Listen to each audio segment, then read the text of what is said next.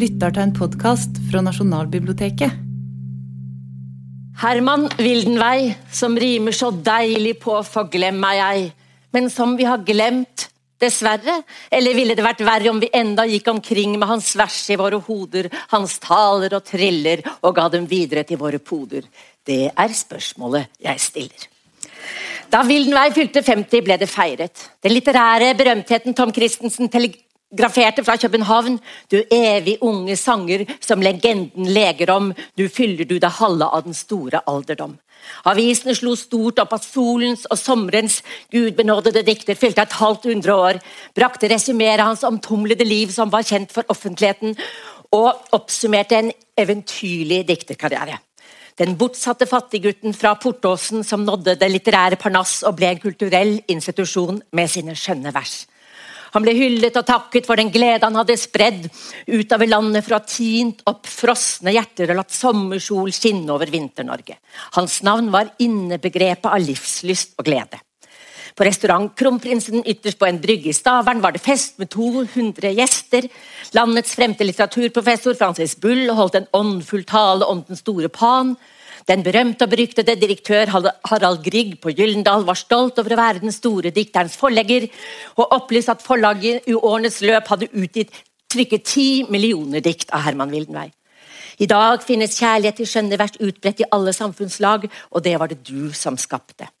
Med korte mellomrom kom flere ut på moloen. Et mannskor, et tornorkester, et fakkeltog. Og da det offisielle programmet var over, fortsatte festen på Hergesheim, Herman og Giskens hjem ved Larviksveien, som hadde status som dikterhjem, nesten som et nytt Bjørnstjerne Bjørnsons Aulestad.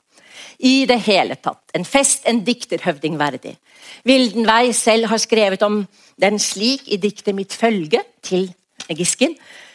Du hadde sett dem i fakkeltog, og deres formann holdt vakker tale, og det var skrevet en fin prolog, og alle klappet og lo som gale av telegrammer på alle språk. Wildenvei fikk Statens kunstnerlønn, såkalt diktergasje, mottok Gyldendals æreslegat og skulle senere bli utnevnt til kommandør av St. Olavs orden. Han solgte bøker i hopetall og leste opp landet rundt for fulle hus. De fleste nordmenn kunne noen linjer av diktene hans utenat. Og nå, glemt må man kunne konstatere. Når hørte du sist noen dra en strofe av Wildenvey eller en av dagens poeter henvise til ham? Men hvordan kan det ha seg at en diktning som var folkeeie for mindre enn 100 år siden, nå er glemt? Og Er det med god grunn, og i tilfelle av hvilken, eller er det en forsømmelse av vår litterære arv og en skam? Kunne jeg tenke meg å si noe om det? spurte Nasjonalbiblioteket. Jeg var usikker. Jeg husket ikke noe om Wildenvey fra skolen eller studiene i litteraturvitenskap universitetet. Jeg ringte min barndomsvenninne Mari, som jeg gjør når jeg er i villrede. Hun kommer fra et relativt dannet hjem. Wildenvei, sa jeg, og Mari sa i sengen på et laken lå en kvinne, hun var naken.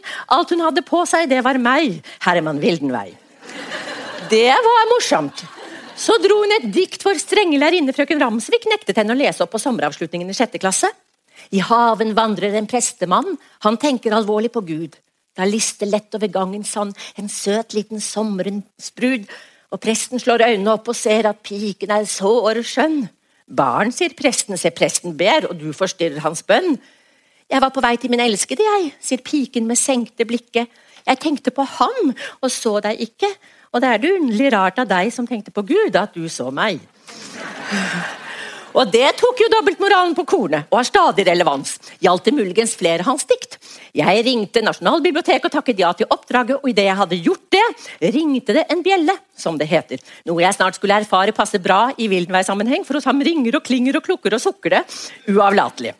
Bjellen sa Skrev ikke din gode kollega og venn Tom han i sin tid en biografi om Herman Wildenvei?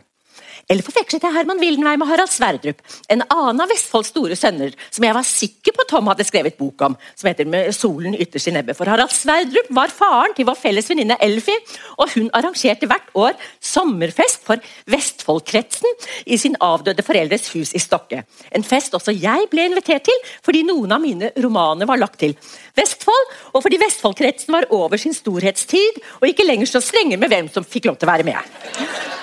Mantra på disse festene var Harald Sverdrups linjer. Å, broder sol, jeg hilser deg på denne velsignede morgen, fordi du opplyser mitt tun og gleder mitt hjerte. Som heller ikke er uvedkommende i villveisammenheng, skulle jeg snart erfare. Men før jeg erfarte det, ringte jeg Tom, som bekreftet at han hadde skrevet biografer om begge de begeistrede, ofte berusede dikterne, som bodde mesteparten av sitt liv i Vestfold, der Tom også kom fra. De er trofaste mot hverandre i Vestfold. Men jeg bestemte meg for ikke å lese Toms biografi om Wildenvey før diktene, for å møte dem så uhildet som mulig. De kom i posten to dager senere, og det var da jeg erfarte det ene og det andre. Mange bind fulle av vær. Mange dikt med høst i tittelen. Høstlig sus og senhøstes og høsteventyr og høstsyn, høstvandring og høstlig teologi og høst er høst. Og mange med sommer i tittelen. Sommertegn og sommerens saga, sommerhilsen og sommerhus og sommerens seiler og sommermiddag og sommervandring. Og veldig mange med vår i tittelen. Vårregn, vårvær, vår i åsen, vår ved skrivebordet, vår ved fjorden, det nye ved våren, ny vår og vår. I tillegg til diktene 'Juninatt', 'Olsoknatt', 'Mai', 'Streif', 'Maisorger' og 'Heggen der hjemme'. Det er så mye vår at også i diktene om høsten kommer våren inn. Som i høstelegier. Nå er det høst i min ungdomsvår. Selv om, selv om det er enkelte av de senere diktene kan merkes en vårtretthet hos vårdikteren, som i det tolv strofer lange det samme under, som handler om vårens under, i hvert fall i første strofe. Det samme under og de samme ord. Flyr vingelette over vårens jord, ja, kan det annet enn med undring dugge ditt øye, selv om du har sett det før. En vår igjen, en vår i svøp og vugge, kastanjeknoppene bak grønne slør. Men som dere hører, vinner begeistringen fort over trettheten, og så følger elleve strofer med åtte linjer i hver, der vårens hokus pokus rimer på krokus, og våridyll på klorofyll. Det spirer og blomstrer, og solens stråler strømmer overalt, som flyr og synger og summer. Etter det samme under følger diktet 'Vårens lære' på 25 strofer. Også i det neste diktet dukker våren opp, og så følger diktet 'Nordisk høysommer' på 14 strofer. Og Det er ikke til å komme forbi at jeg blir litt tommelumsk av all denne våren og sommeren og summingen. Det er nesten en befrielse når det endelig dukker et menneske opp. Ellen, Julie, Selma, Tone, Lise Lise Løkken, Line, og Signe og Mona og Margrethe og Birgit. For det er gjerne kvinner det handler om når det ikke handler om årstider. Kvinnets fødselspolitikk, og kvinner er atter kvinner. Maria Magdalena har fått et dikt på 187 strofer. En slags gjenfortelling av bibelhistorien på rim, med slike linjer. La oss fluksens ta og stene, og få slutt på Magdalene. Hun er grepet in flagranti, ikke sant de? Ut, uten mele, uten mening står hun, for hun vet at stening er en form for fest som fryder folk med dyder. Nok et stikk til de religiøse dobbeltmoralister, det kan jeg like, men ellers synes jeg ikke de 187 strofene er særlig interessante. De fleste går omtrent sånn. Toller Levi, han har mammon. Pynter hun seg slik for hammon? Ingen vet, hun kjenner angsten foran fangsten. Jesus omtales slik på Tolle Levis fest. Er den unge tømmerlærling annet enn en grønngul særling? Piper en forloren ape og må rape. Intensjonen er likevel ikke å harselere eller ironisere. For slutten, da Levi påkaller Magdalena og ber henne ta med Jesus, går sånn. Og for Jesus, kameraten, hjem til maten. Jeg har fått en dårlig Vana, ikke vane, for det rimer ikke på kana. Jeg har fått en dårlig vana siden bryllupet i Kana, da han gjorde vin av vannet i hver kanne. Hjemme har jeg gjemt noen covers av den sort som ble til overs. Få han derfor med tilbake, han skal smake. Kom, Marie, kle nu bringen. Er du kledd i ingentingen? Å, du Simon, jeg tar skylda, det er fylla. All... men så kommer alvoret. Alle fjes er blitt så stramme. Bare Jesus er den samme, men han løfter sine hender, blikket brenner. Levi, la nu være, broder, hun skal følge til min moder. Jeg har før vært bror og, søs og trøster for min søster. Dette var altså 187. vers.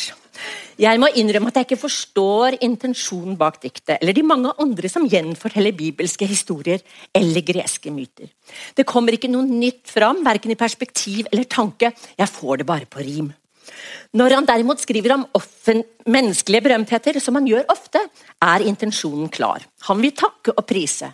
Men heller ikke det er interessant lesning i dag. Johanne Dybwad får et 13 strofer langt dikt i anledning av sine 50 år som skuespillerinne. Og det sier seg selv at det ikke fungerer på samme måte for oss som for dem som hadde opplevd henne på scenen. Nå er det endelig veldig fest og rykende offerdunst. Hjertene banker bak vest ved vest, intet er mer på skjeve. Leve symbolet for lykkens gunst, lys i mørket, din egen kunst, kors eller knyttet neve. Alt skal den overleve. Men det har den ikke gjort. Og det er loddet til teaterskuespillerinners kunst. I motsetning til den som er festet på film eller papir. Men også den kan dø, selv om den ligger i Nasjonalbibliotekets arkiver. Herden man Wildenvey skrev dikt til forfatteren Sigurd Kristiansen, statsminister Christian Michelsen, diktervennen Alf Larsen og en til en som het Lende Njå. En danske ved navn Tøge Larsen fikk et dikt i anledning av en fest han holdt, og Bernhard Folkestad fikk diktet Jonsoknatt i anledning Jonsok, og alle har fått plass i de samlede. Wildenvey skrev dikt til en barndomsvenn som het Mogens. Jeg minns deg en sommer fra Tjøme. Og i et dikt til en venn fra, fra Eiker står det Husker du gnomen på Hjelmgården', Som det ikke står noe mer om, og det var vel morsomt for vennen som sikkert husket Gnomen på Hjelmgården. Men for meg som ikke husker verken Gnomen på Hjelmgården eller noe av det andre som nevnes i diktet, er det litt kjedelig. Gudsønnen hans, Frans Aubert, fikk et dikt, og vennen Christian Skrekk fikk, fikk et sankthansbrev i form av et dikt. Og en ærlig Vinsnes, som jeg ikke vet hvem er, selv etter å ha lest de 13 strofene Wildenvey skrev om ham. Men Per Gynt, Donkershot, Røbles og Den flyvende hollender er nevnt, så Vinsnes var antageligvis litt av en kar. Men ble dessverre alvorlig syk som ung og operert i München. Han lever selv om han er død, hevder Wildenvey og utdyper. Etter oss vil andre komme som forstår at ditt liv blir mindre omme år for år. Den spådommen slo ikke til. Erling Vinsnes er død, og diktet om han også. Forholder det seg da annerledes med diktene han skrev om eller til de virkelig store menn, dem vi også kjenner til, som Knut Hamsun, Bjørn Steinar Bjørnson, William Shakespeare? I diktet 'Shakespeares ånd' står det hver gang hans synet mot vår himmel hevet, var jordens bilde for hans føtter lagt. Og dette bildet har han gjennombevet langt mer enn drømte himlers stjerneprakt. Og ingen skaper har til verden brakt et liv mer diktet, mer skapt, mer levet enn det han ikke engang kan ha skrevet, men kun som ord til vise vitner sagt. Jeg har virkelig forsøkt å forstå hva Willenvey mener med dette, uten å lykkes. Til Knut Hamsun skriver han mer forståelig, men det blir kinkig på annet vis. Enda en gang vil vi gå med takknemlige tanker hen til hans dør, selv om han stengte den før. Enda en hilsen til vandreren hvor han, hvor han så vanket. Kjære, lukk inn, tusen med takk i sitt sinn. Hør, det er hjerter som banker. Er det så rart at all takk er han svært likegyldig? Det er fordi lykken for ham var å gi, ikke å være de takkende noen ting skyldig. Det var hans vis før han fikk ære og pris, og etter at boka ble fyldig. Er det Hamsuns lommebok som er blitt fyldig etter at han fikk ære og pris? Eller er det Hamsuns siste utgivelse som er blitt fyldig istedenfor ferdig? Fordi ferdig ikke rimer på skyldig, men det gjør fyldig. Wildenveis hyldningsdikt til Bjørnstein Bjørnson gir oss imidlertid en innsikt i det som kanskje kan kalles Herman Wildenveis poetikk. Etter den stormende vårlige foss ble han den store sommer for oss. Og videre. Morgen og dag imot oss han bar, duggede blomster, fuglefløyt. Prinsessen satt høyt, ørnenes veldige vingeslag slo ikke feil, brede seil. Verden og Norden tok han i favn, sommertorden, kosmoslyn, drøm og syn i en veldig sum, evangelium rommer hans navn. Bjørnson har altså gitt oss den stormende, vårlige foss og den store sommer. Han har kommet med duggede blomster og fuglefløyt, men samtidig hatt den store verden og selveste kosmos som perspektiv. Han forsøker å sette mennesket inn i den største sammenheng, som i et evangelium. Dette er dikterens oppgave. Dette prøver Wildenvey selv å gjøre. Etter hvert får han det til. Diktet til Bjørnson avsluttes slik. En evig stjerne verner hans minne. Tusener år vil den lyse og skinne, rolig og rent. Dette slo heller ikke til. Bjørnstjerne Bjørnsons stjerne lyser og skinner ikke lenger som før, men la nå det gå. Og la det gå at Wildenvey bruker ordet stjerne om en mann med stjerne i navnet. Hvis vi derimot tar for oss Wildenveis bruk av et ord som stjerne, kan vi kanskje nærme oss det som gjorde han så elsket i sin tid, men samtidig så tidsbundet at hans egen stjerne ikke bare er dalende, men ikke til å få øye på på den litterære himmel. Stjerne er et av Wildenveis mest brukte subjektiver. Han legger gjerne inn et 'ja ved Gud så gjerne', fordi det rimer på stjerne. Og trærne, på fjerne og trærne, men særlig stjerne. Han setter det sammen med andre ord og skriver stjernevugge, stjernegaver, stjernespøkelser, stjerneleire, stjernehold, stjernestrupe, stjernestrand, stjernebaldakin, og jeg stopper ikke, for det gjør ikke han, stjernekolosser og stjerneglimt og stjerneskinne og stjernekull og stjerneis og snestjerner og stjernebyer og skjebnestjerne og nyttårsstjerne og stjernefall og stjernemøblerte hybler med mere. Jeg siterer et dikt i sin helhet. Legg merke til bruken av ordet stjerne, men også ord som skjelve, slør, dugg, duft. Jeg står og stirrer mot det grønne mørket, som slørlett legges over eng og kratt. Det dugger heftig etter dagens tørke i denne månelyse juninatt. Det dirrer sommertoner gjennom luften, av hjertets strenger skjelver sakte med. Min sjel blir løftet som et dun av duften fra balsampoplene her like ved. Den dype tanke som i kneen tvinger, blir ved en skjelven som forløst fra vekt, blir atter gjenforent på rytmevinger med lyren, stjernen av dens egen slekt. Men Venus vinker fra det himmelgrønne, så blek i natt og bak sitt sommerslør kan hun min hemmelige lykke skjønne ved å besynge henne nu som før. Og sangens tinder er jo ikke omme om juninatten og dens stjerner flyr. Jeg venter, Venus, på at du skal komme som sang og duft og dugget eventyr. Og elskelige kjærlighetens stjerne, du smiler sløret ved mitt hjertes hugg. Jeg venter, elsket og venter gjerne blant stjernebilder i blomsterdugg.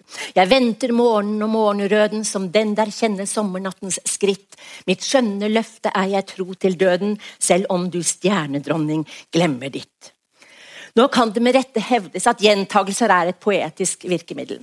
Likevel kan det være nerverende å lese vers etter vers med slikt. Jeg blir i hvert fall sliten og venter på en innsikt eller konklusjon. Hva skal det være godt for annet enn godt? Og kanskje er svaret ingenting. At det ikke er ment å være annet enn vakkert og velklingende, egnet til å løfte menneskene opp fra en traurig hverdag en stakket stund. For å forstå Herman Willenweis veldige gjennomslag fra tidlig på 1900-tallet og fram til den tidligere omtalte 50-årsfesten i 1936, må vi huske på at det var før fjernsynet. Heller ikke radioen var allemannseie. En dikter som kom til bygda for å lese opp, var ikke bare en sjelden begivenhet, men muligens den eneste kunstneriske opplevelsen et menneske hadde i løpet av det året, kanskje i livet. O elskelige kjærlighetens stjerne, du smiler sløret ved mitt hjertes hugg. Jeg venter elskede og venter gjerne blant stjernebilder i blomsterdugg må ha gjort veldig inntrykk på staute bønder og trette arbeidere og streberske småbørgere, og særlig deres koner og den inntrykksvare, hormonfylte ungdommen. Wildenveis stemme var visstnok vakker, det ryktes at damer besvimte når han leste. Det kan ha fungert som en slags messing tenker jeg, når jeg kommer til den 16. av 25 strofer i den annen strand som handler om en sommernattsfest. En slags bedøvende rytme, en meditasjon full av sanselig sammensatte ord som ikke tilhører hverdagslivet. Drømmefjern og skumringssus og kvinnedrøm og elskovssøm. At Wilhelms stemme dysset dem inn i noe vakkert, velklingende, høystemt og høytidelig folk hadde behov for som avveksling. Omtrent slik som søndagsbesøk i de vakre vakkert dekorerte kirkene med forgylte kandelabre og takmalerier fungerte i sin tid. Det er sagt at Wildenvey representerte noe nytt den gangen han debuterte i 1907 med Nyinger. Disse vers er ville vekster i en sommer dysset hen. Noe forfriskende. Det var noe med livsfølelsen diktene uttrykker, skriver Francis Bull i forordet til De samlede fra 1936. At diktene innevarsler en ny generasjon som brøt med 1890-årenes dekadense og trette menn. Og det er riktig nok, men de årene Wildenvey representerte noe nytt, var få. For etter den første verdenskrig så kunstscenen helt annerledes ut i Europa. Livsbejaelsen og livsberuselsen som kjennetegner Wildenbergs diktning, var ikke bare en sjeldenhet, men suspekt, vil mange mene, og ubehagelig urealistisk i en verden som hadde opplevd en slik meningsløs nedslakting. Norge tok ikke del i denne krigen, men de fleste av Wildenveis kolleger på kontinentet som opplevde den, reagerte med å bli revolusjonære. Krigen førte til en generell mistillit til det bestående. Alt som hadde gjort denne totale katastrofen mulig, måtte brytes ned før noe nytt kunne oppstå. Det var de nye ismenes tid. Futuristene i Russland, dadaistene i Zürich, eh, surrealistene i Paris, ekspresjonismen og den nye sakligheten i Tyskland. Bertolt Brecht, som jeg ikke kan holde et foredrag uten å nevne, ham vil jeg med egen ære levne, gikk med reformiveren til teatret. Og han er relevant i denne sammenheng av flere grunner. Brecht irriterte seg over hvordan publikum på de konvensjonelle teatrene ga seg hen til handlingen, helt i regissørens og de vekslende stemningers vold. Identifiserte seg fullstendig med protagonisten. Lo, lo når hun lo, gråt når hun gråt, gråt, levde seg inn i de oppdiktede hendelser uten en kritisk tanke. Overgitt og målløs og med halvåpen munn, håpet de det skulle gå bra til slutt. Hensatt fra sin lille, trange verden til den store. Syntes å smake svimmelheten på toppen og lidenskapens fulle styrke. Løftet bort fra sin håpløse verden til lyset kom på, og de vaklet ut i den miserable virkeligheten de hadde gitt opp å forandre.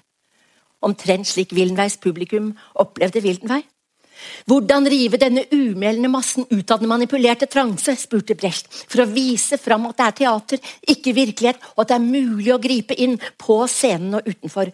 Hvordan hindre den totale identifikasjonen og skape en avstand som kan fremme sunn skepsis. Slike spørsmål stiller ikke Wildenvey. Tvert imot er hans formål å lokke publikum med seg inn i henrykkelse. Om hans måte å resitere på er det sagt at den var innsmigrende monoton, men likevel syngende. At den hadde en nesten hypnotisk effekt. Bedårende, men bedøvende. Beroligende mer enn foruroligende. Og det må jo være lov. Trengs ikke den slags i tøffe tider? Jo, men om det bidrar til å gjøre folk ukritisk, om du fungerer konserverende? Ja, det må vel være lov. Og særlig for en konservativ natur som Wilhelm må sies å ha vært. I hvert fall når det kom til poesi. Politikk og ideologi interesserte ham ikke, skriver Lotrington, i så liten grad at han knapt visste om han var konservativ eller radikal. Dessuten mente han at kunstneren tilhører et åndshierarki hevet over samfunnsklassene. Da frontene ble streket opp i kulturkampen i 1920-årene, da bolsjevikene seiret i Russland og fascismen i Italia, og det kommunistiske Mot Dag ble stiftet i Norge, tok ikke Wildenvey stilling til fenomenet. Han hadde ikke noe helhetssyn, skriver Lottington. Men når det kom til poesien, mente han bestemt og utvetydig at den ikke skulle beskjeftige seg med det heslige eller ubehagelige. Poesien, denne skjønne form for livsytring, skulle vise fram det vakre, trøste, oppmuntre og løfte. Kunstneren skulle skape skjønnhet og harmoni av det kaotiske. I dette synet skildrer han seg ikke bare fra sine samtidige på kontinentet, men også fra sine norske kolleger. Selv om de også foretrakk tradisjonelle former, tok de likevel opp problematiske emner i sin diktning, slik som Rudolf Nilsen, Nordahl Grieg, Arnulf Øverland, Inger Hagerup. At de benyttet seg av tradisjonelle former, var antageligvis grunnen til at den norske lyrikken ble lest av folk flest lenge etter at folk og lyrikk skilte lag på kontinentet. Men når mange av disse dikterne nevnte, leses også i dag, har det kanskje med innhold å gjøre, dvs. Si friksjonen mellom form og innhold. Den revolusjonære Brecht benyttet seg også av tradisjonelle former, melodier som lå tett opptil kjente og populære folkeviser og salmer, for å fri til publikum, for å få dem til teatret. Hva hjalp det om han lyktes i å formidle noe politisk om salen var tom? Men tekstenes innhold harmonerer ikke med den tradisjonelle, ufarlige formen. Når disse sangene fremdeles lever, har det antagelig med dette å gjøre, mens det i Wildenveis diktning ikke finnes friksjon. Det er ingenting som lugger. En salmeinspirert Brecht-sang går sånn. Våkne opp, råtne kristen sjel, vær nu klar til det syndige livet. Vis hva for en slyngel du er, den, din lønn den vil Herren deg give. Selv din bror, det er enkel fornuft, selv din ekte viv stjel og bedra. Gud Herren, for deg er han luft, det vil vise seg på vredens dag. Misforholdet mellom hvilke ord forventer skal ledsage en slik melodi, og de som kommer fra scenen, overrasker og får dem til å våkne. Mens Wildenvey bruker kjente rytmer for å fortelle at det nok blir vår, også i år. Og det er selvfølgelig godt å høre, men i grunnen noe vi vet. I et dikt skriver Wildenvey om dikteren som har havnet på rangel og glemt penn og papir hos en pike han ikke husker hvor bor. Jeg kan ikke skrive et eneste ord, men pines av rytmer og toner. Jeg kjenner følelsen. Det presser på, det må ut, og det eneste som hjelper, er å skrive. Lange border bort etter papiret, hamre på tastaturet, vugge over det og mumle ordene samtidig som jeg skriver dem, som en slags bønn, som i transe. Å være i språket ureflektert, det holder smerte og tomhet borte. Men ordene som produseres i en slik tilstand, kan ofte byttes ut som ordene i en barneregle. I sine foredrag om psykoanalysen fra 1907 skriver Sigmund Freud at ord opprinnelig var trolldom, og at ord i dag ennå har beholdt mye av sin gamle tryllekraft. Gjennom ord kan et menneske gjøre en annen salig eller drive ham til fortvilelse. Gjennom ord overfører læreren sin viten til elevene. Gjennom ord river taleren tilhørerskaren med seg og er med på å bestemme deres dommer og avgjørelser. Ord fremkaller affekt og er menneskenes middel til gjensidig påvirkning. Språkets makt er stor, og vi kommer ikke unna det. Straks vi begynner å snakke, er vi underlagt språksystemet som eksisterer forut for oss. Forfatteren er prisgitt skrivemåtens logikk, men har en drøm om overskridelse, om å rive seg løs fra språket. Men det kan bare gjøres ved hjelp av språket. Forfatteren vil bruke språkets evne til å fortrylle, men også dets evne til å få nå ny erkjennelse. Forfatteren vil vinne og viderebringe ny innsikt, nye måter å se verden på, åpne nye rom. Ifølge Wittgenstein er ikke ord bare navn på ting i verden, Setninger, ikke bare bilder av saksforhold. Ifølge Wittgenstein er ord og tanke samme sak. Det finnes ikke noen forskjell på det mentale og det språklige. Av dette følger at den formen forfatteren velger å uttrykke seg gjennom, kan være avgjørende for om ny erkjennelse kan nås, om overskridelse kan skje. Kan det tenkes at formen Wildenvey valgte, er så rigid at den heller enn å åpne opp bidrar til å stenge av? Eller at det skal et usedvanlig talent til for å nå og formidle ny erkjennelse et, i et så ufrukt system. Og det hadde Wildenvey ikke. Mens de som valgte å rive seg løs fra tradisjonen for å skrive såkalte frie vers, eller fylle tradisjonen med nytt innhold, beveget seg inn i et ukjent språklig og dermed mentalt landskap som virket befordrende. La oss lese Cordoba-diktene til Herman Wildenvey og hans samtidige Federico Garcia Lorca opp mot hverandre. Cordoba. Landeveien fra Sevilla løper lang en rem som ja, dette er Villenveien. Cordoba. Landeveien fra Sevilla løper lik en rem som river bilen 90 km med i timen ut mot målet. Målet er å se og gjense Cordoba, den gamle staden, bygd av goters, maurers, kristnes, sten og gull og ånd og hender. Krystler bilen bygger rolig, landet bølger andalusisk, milevidt til alle kanter, innen horisontens sirkel. Innen horisontens sirkel ser vi fjerne fjell og høyder, Guadaligir bedugger grønlig grå olivenlunder. Grønlig grå olivenlunder ligner langs de røde sletter, grønne fabeldyr som gresser jordevis på røde enger. Og langs veiens slyng og bukter på de grønne bakkekammer skinner hvite bondebyer, lyst som liljebed i solen. Lys som liljebed i solen ligger romernes Carmona, og med ett Louisiana, tørst og tørr, men blomstersmykket.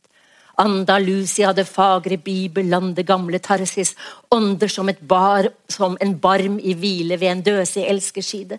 Skimtes skygger her på veien, turtulanter, romer, goter, og de stolte maurerstammer vendt mot Cordoba med våpen, eller skimtes Don Quijote foran oss på Rosinante, fulgt av Sancho Panchas esel siklende langs grimeskaftet. Nei, en ganske annen skygge iler foran Chrysler-bilen, iler 90 km med i timen inn mot byen. Det er maurernes Almansor, hin Almansor ben Abdullah, som i slottet Al-Kula etter Haine dømte domen. Ved et nytt hotell Regina stanser bilen med Almansor, møtt av kuttingklipte parker, mandeltrær og gulloranger. og vi følges gjennom staden, og Almansor Ciceronen, solbeskinnet, kaster skygge som av tusen år i tungsinn. Domen stiger frem av disen som en himmelborg på jorden. Tårn og kuppel, gylne dører, blinker, lyner, le, ler i solen. Vi vil av Almansors skygge føres inn i søyleskogen. Hen ved tusen edle søyler er igjen av 1300. Og koranskriftsite buer løftes enn som edle panner, fylt av gyllenstøvets visdom, fylt av samme drøm som fordum. Drømmen om at dette tempel, bygd og vigd til Allahs ære, skulle bli et maurisk mekka midt i selve kristenheten. En Abdullah etter frokost værer bort Almansors skygge, og en bilring skal visst byttes før vi starter før Sevilla. Et par unge piker stanser, og de ler med spanske øyne, løfterike blå som druer, modnet mellom sol og drømmer. Men de smiler og forsvinner, stilt som syner inn i parken. Er det hurier fra himmelen? Ben Abdullah ser dem ikke. Hør, Almansor, sier jeg stille, skru hjulet løst og la det slynges av mens vi biler bort med 90 km. Hvorfor, spør han. Jo, Almansor, tror du ikke så vi møtte piken i paradiset som en fager reises slutning? Se når Astrup, bilens eier, smiler kjent med islams lære. Pikene er ikke syner, de kan treffes på Regina. En ordrik novelle uten handling på rim. Vi kan trygt si at Wildenvey ikke er Hemingway. Men det snerte sluttpoenget er jo aktuelt. Det skal han ha, selv om jeg har lyst til å gi opp på veien mot det svimmel etter bilkjøringen gjennom et solbeskinnet landskap og Spanias historie. Her er modernisten Lorcas Cordoba-dikt. Rytterens sang. Cordoba, fjern og ensom. Svart hest, stor måne, oliven i min veske. Selv om jeg kjenner veiene, når jeg aldri til Cordoba. Over sletten gjennom blesten, svart hest, rød måne, døden stirrer på meg fra tårnene i Cordoba. Akk hvor veien er lang, akk min tapre hest, akk døden venter på meg før jeg når Cordoba. Cordoba, fjern og ensom. Det er selvfølgelig urettferdig å lese Wildenvey opp mot en av verdens største poeter, selv om det er for å illustrere det jeg mener er et viktig poeng i denne sammenheng, der spørsmålet om hvorfor Wildenvey ikke leses lenger, står i sentrum. Wildenvey er opptatt av melodien, av overflaten. Han ble kritisert for det, særlig etter at modernismen slo igjennom, og han svarte på kritikken i flere sammenhenger, selv om han aldri langet ut mot modernistene, slik som f.eks. Øverland gjorde. I et dikt skriver han Jorden har også et indre, men det er ikke dess mindre men ikke dess mindre er det jo overflaten som er belevelig blitt. I et annet, de tradisjonelle forråd vi Tara er et forferdende ordsahara, hvor vi er fraser og gamle gloser, er de oaser, ny vin, ny vin og roser. I et tredje, den har ikke samme sprudel som gamle Goethes, O Wildenvei, en blomstrende puddel. Det er selvironisk nok, men, men, sant i forhold til Goethe er Wildenvey en blomstrende puddel. Han skriver om edel diktnings dunkle drueklaser, og under lesningen av de samlede får jeg ofte følelsen av fordøye dunkle klaser av ladede, søkt sammensatte ord. Drømmeberuste vingeslag og sølvrådstenk og sølvskriftskimrende gullmyntfot og skolaspikfindre. Passasjerpatrisk solsjåfør og høstkveldis og flosilkelett og ildliljehav og narsissosbrønn og kalkklippehvite, og jeg stopper ikke for det, jeg gjør ikke Hav, storskogsdunkelheten og dvergmålsvar og ørkenløvetørst og hjertealtering og himmeldøpefonter og åndeskyer og evighetsskumrende saler og koranskrift, sirt og frukt, høsttunge, månebestrålte og vinterhvithetens taushet og visdoms verdensdel og aningselektrisitetens strømstyrke og septemberskjeriser og sanger, håpets oljeblad og bunnforvante og Maria Magdalene som flyver erteblomst stillferdig. Det er bare for mye. Mot slutten av sitt dikteliv, når modernismen hadde befestet sin posisjon også i Norge, var Wilden være lei å bli omtalt som en lettvekter. Han ville bli tungvekter, en oppsindig vismann som skulle ta opp livets store spørsmål, men på sitt eget tradisjonelle vis. Han begynte å skrive om kosmos og parafrasere skapelsesberetningen. Han ville levere evangelium som Bjørnson, men leverte bare høytidelige meningsløsheter og banale betraktninger framført med fakter og liksom-brevur. Jeg slang Vildenvei i veggen og var mektig irritert på Vildenvei. Så ringte jeg Jo Eggen, som jeg gjør når jeg ikke forstår mine egne sterke reaksjoner. Vildenvei, sa jeg. Herman Lauritzen fra Portabåsen, sa jo. Ja da, ja da, sa jeg. Jeg vet jo det, sa jeg. Jeg har ikke holdt på med annet enn ham i ukevis. Og vet selvfølgelig at han bestemte seg for å kalle seg Vildenvei. Allerede som barn da han satt ved den dumme elva Veia og ikke visste hva han var, bortsett fra at moren var tanten og faren kanskje faren. Satt og stirret i den bitte lille elva som rant forbi Portåsen, som sildret og klukket og rislet og rant osv. Og, så og det var vel om våren, kan jeg tenke. At elva het Villveia fordi den fosset som best den kunne med sin beskjedne vannføring, skriver Lottrington. Likhet med Vildenvei, sa jeg, som prøver å fosse med sin beskjedne vannføring. Ja, jeg vet at den het Veia på gamle kart, og at det var den han snakket mest med i sin barndom, og som inspirerte ham til å ta navnet Vildenvei, som han skrev seg inn i den amerikanske marinekorpset med i 1905. Det var da svært, sa jo. Bestemor var veldig glad i Vildenvei, sa han. Disse vers er ville vekster i en sommer dysset hen, og dette vil ergre de store, men enkelte små vil det more. Han var på småfolkets side, sa Jo. Men han skriver 'Der frem jeg i lyset stilter', for å få det til å rime på villaskilter, sa jeg. Han skriver 'Gud forbarme' i annenhver linje for å få det til å rime på varme og arme. Han skriver 'Gud bevares' fordi det rimer på vederfares og forsvares og tiltales med trykk på feil stavelse. Det er vel ikke så dumt, sa Jo, å rime på en så tilforlatelig ord som 'bevares'. Det skal du ikke kimse av. Han skriver 24 strofer om å reise til Cordoba i en Chrysler-bil, sa jeg. Og i motsetning til Lorca så kommer han fram til Cordoba. Å skrive inn en Chrysler-bil i landskapet var vel dristig den gangen, sa Jo. Han skriver 187 strofer om Maria Magdalena, sa jeg. 187 strofer om den utstøtte kvinnen, det var mektig, det står det respekt av, sa Jo. At han ville løfte henne fram. Han skriver opphørlig om våren, sa jeg. Det er så mye vår og vær og natur at det ikke er til å holde ut. De sa om bestemor, sa Jo, når de skulle fordele arv, at hun ville være glad om hun bare fikk en tue. Hun var så glad i naturen, bestemor, i alt som grodde. Bestefar var gartner og glad i blomster og, og i Vildenvei, men særlig bestemor var glad i Vildenvei. Særlig kvinnene var glad i ham. Han skrev mye og respektfullt om kvinner. Ja, det er det ingen tvil om, sa jeg. Diktene heter jo Selma og Tone og Lise. Tenk om kvinne, en kvinne i hans generasjon, eller i min, for den saks skyld, om jeg skulle skrive dikt som het Trygve Arild Alf og Trond. Er det ikke det du gjør? sa jo. Bestemor tilhørte Bestemor tilhørte den første generasjon kvinner som gikk tur med sex, sa jo. Det gjorde ikke kvinnene før. Da var kvinnene innendørs og hadde lyse kjoler som var upraktiske og ubehagelige og ikke måtte bli skitne. Vildenvei hyllet naturen, og naturen var viktig for bestemor. Bestemor sang i kor.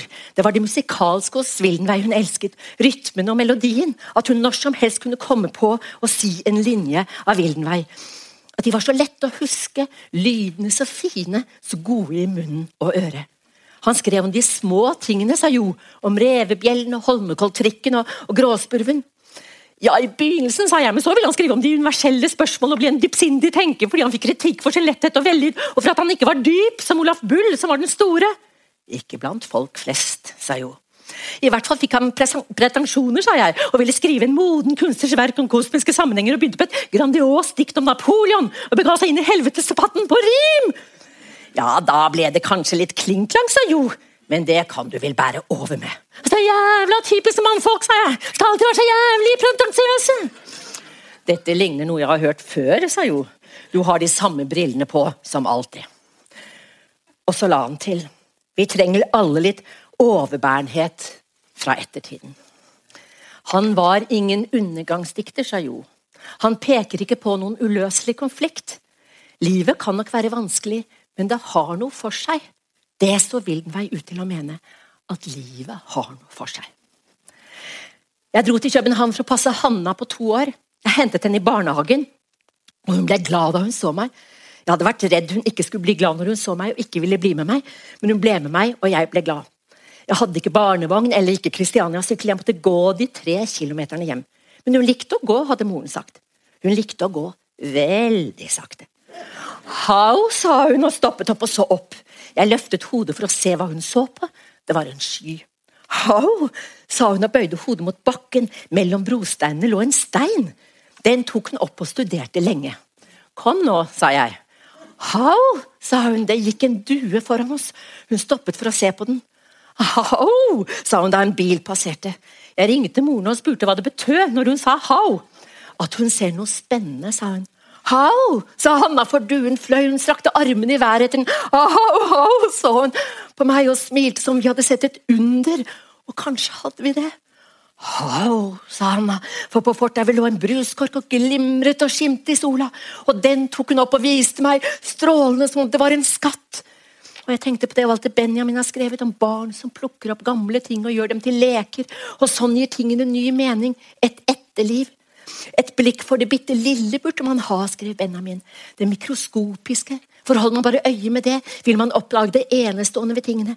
Vi må ha blikk for detaljen og sprekkene, skrev han, for da kan det åpne seg et blikk inn til en annen virkelighet.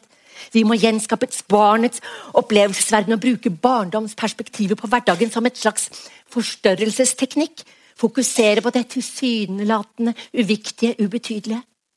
Syklet en mann forbi med en hund i sykkelkurven. Ahau! Vi må utvikle evnen til å gjøre et opphold ved det unyttige. Ventetiden, kjedsomheten. Det er hemmeligheten. Da vi var hjemme tre timer senere, og Hanna sov, tok jeg Wildenvei fram igjen.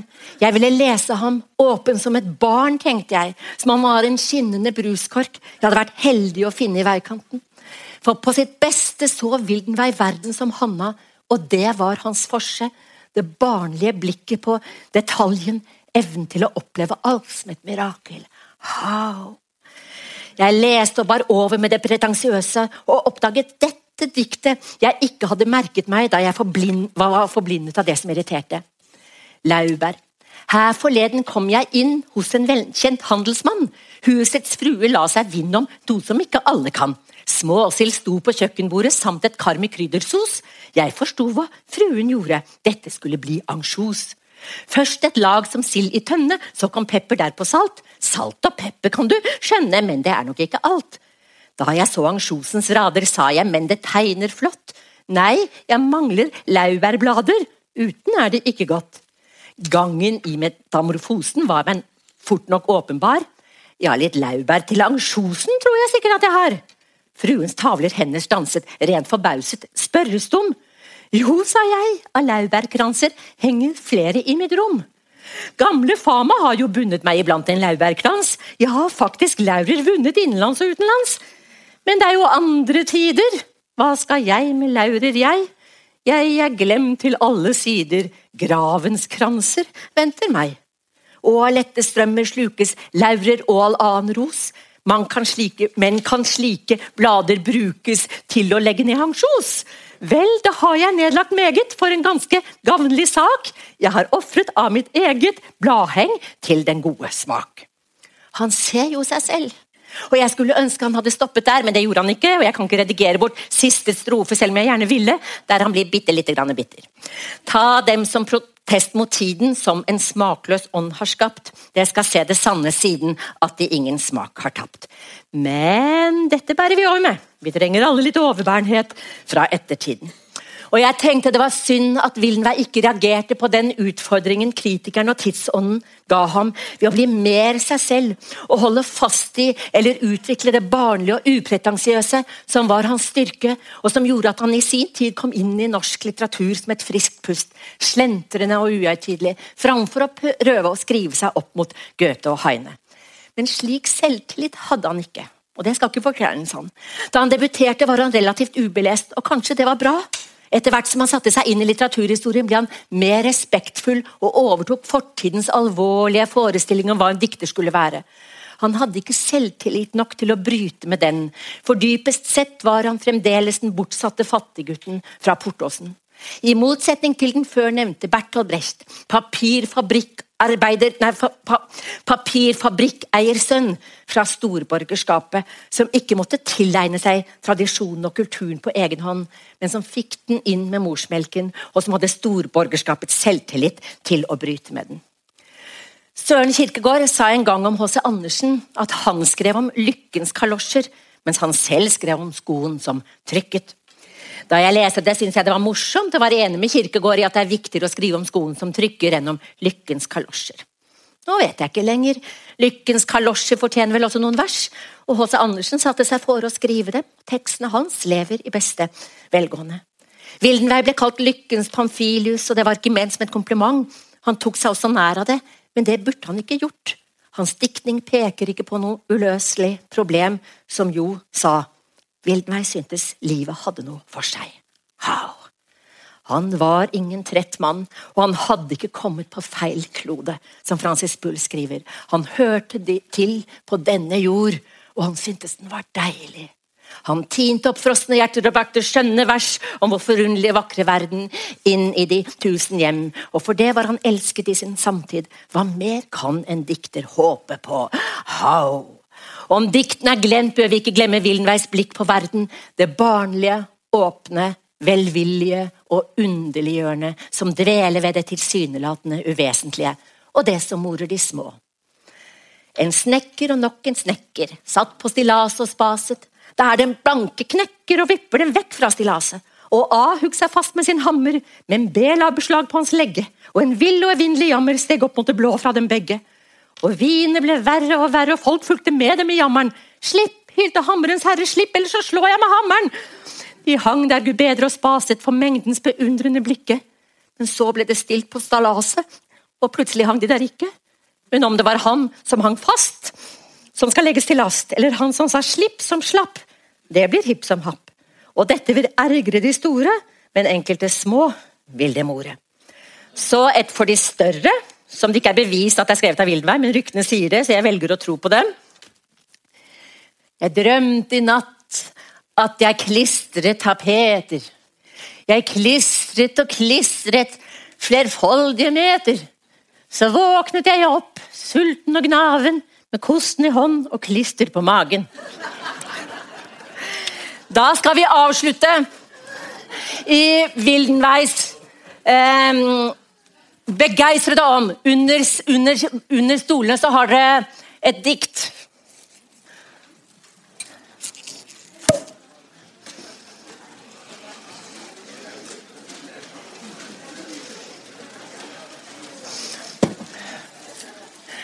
Mine damer og herrer, det er vår. Den kom også i år. La oss knytte vennskapsbånd og strekke til hverandre ut en hånd og avslutte i villveis begeistrede ånd. Se! Se! Et vidunderlig tre! Toppen vugger i stjerneskinns duglende dress. Roten er drømmen i et sinns evighetsjord, og løvet er ord, dets blomster lengselsens kyss. Skål!